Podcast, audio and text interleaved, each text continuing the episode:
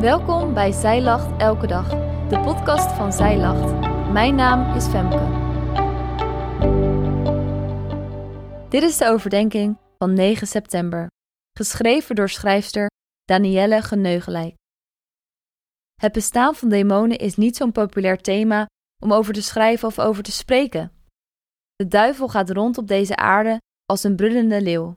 Hij is op zoek naar onze zwakte en doet alles om ons bij God vandaan te houden. Maar de boze heeft niet het laatste woord. Laten we samen kijken naar de autoriteit die Jezus heeft als zoon van God ten overstaan van het kwaad. Zo groot dat zelfs de demonen die meteen erkennen. Het volledige Bijbelgedeelte voor vandaag is Marcus 5, vers 1 tot 20. We kijken nu naar Marcus 5, vers 2. Daarin staat: En toen hij uit het schip gegaan was, kwam hem meteen uit het grafspelonken iemand met een onreine geest tegemoet. Voor het eerst komt de Heer Jezus met zijn discipelen in een gebied buiten Israël. Direct na zijn aankomst komt er een bezeten man naar Jezus toe. Het onreine karakter van de geest die in een man woont, wordt beschreven door het feit dat de man verblijft in de grafspelonken. Dat zijn kloven en holen in de gebergten, die als graf werden gebruikt. Dit zijn onreine plaatsen. De man komt direct bij Jezus omdat de komst van de Heer Jezus een inbreuk betekent op het terrein dat de onreine geest beheerst. Zou Jezus geweten hebben dat dit een plek is waar een bezetene verblijft? Ik geloof van wel. Jezus zoekt een plek op waar een man verblijft die compleet bezeten wordt door demonen, omdat deze man Jezus nodig heeft. Komt hij soms ook niet in onze meest duistere plekken, omdat wij hem nodig hebben? Laten we kijken naar Marcus 5, vers 6 tot 12. Daarin staat: Toen hij nu Jezus uit de verte zag, snelde hij hem toe en aanbad hem. En met een luide schreeuw riep hij: Wat heb ik met u te maken, Jezus, zoon van de Allerhoogste? Ik bezweer u bij de God dat u mij niet pijnigt. Want hij had tegen hem gezegd: Onreine geest, ga uit van deze man. En Jezus vroeg hem: Wat is uw naam? Hij antwoordde: Mijn naam is Legio, want we zijn met velen.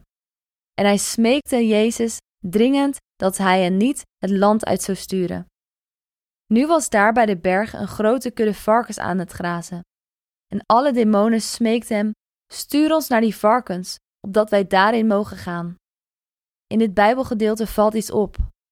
Ondanks dat deze man Jezus onmogelijk gekend had, weet de onreine geest in hem precies wie er aankomt. De onreine geest in de man kan niet anders dan zichzelf voor Jezus neerwerpen, omdat Jezus zijn meerdere is. De onreine geest wordt onmiddellijk gedwongen om zodra Jezus zijn gebied binnenkomt, de macht van Jezus te erkennen. Onreine geesten en demonen zijn sterke machten en krachten, maar wat we mogen weten is dat Jezus, de Zoon van God, hierboven staat. Wanneer de bezetene man bij Jezus komt, doet hij dit schreeuwend. En terwijl hij dit doet, geeft Jezus een bevel. Dit bevel is gericht aan de onreine geesten in de man, om uit de man te gaan en zo gebied te verlaten. Met de komst van Jezus op deze plek rukt het koninkrijk van God strijdend en zegevierend op.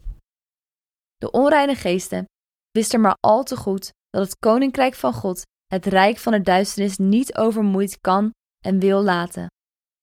De onreine geesten proberen Jezus nog te imponeren door hem bij zijn volledige naam te noemen en God te bezweren.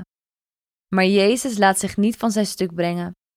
Daarentegen vraagt Jezus naar de naam van de onreine geest, om daarmee duidelijk te maken dat zijn macht wordt verbroken. De onreine geesten weten dat ze, op het bevel van Jezus, de man moeten verlaten en hem prijsgeven. Daarom houden de onreine geesten een smeekbede en vragen ze of ze dit gebied mogen blijven heersen. Ze gaan een onderhandeling met Jezus en vragen of ze in een kudde varkens plaats mogen nemen, die in dat gebied aanwezig is. Verderop in het hoofdstuk is te lezen dat Jezus dit meteen toelaat. De onreine geesten verlaten de man en deze komt bij zijn verstand. Onreine geesten kunnen niets anders dan het bevel van Jezus opvolgen.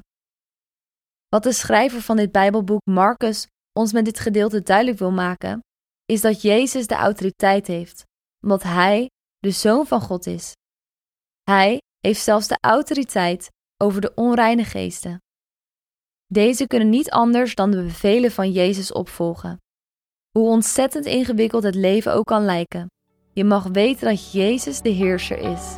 Hij regeert en wij mogen bij Hem horen.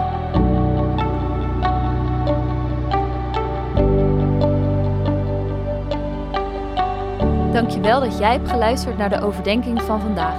Wil je de overdenking nalezen? Check dan onze website. Je vindt er ook meer toffe dingen die jou helpen om de Bijbel vaker te openen, zoals boeken, Bijbels, cursussen en evenementen. Morgen ben ik weer bij je terug met een nieuwe overdenking. Tot dan!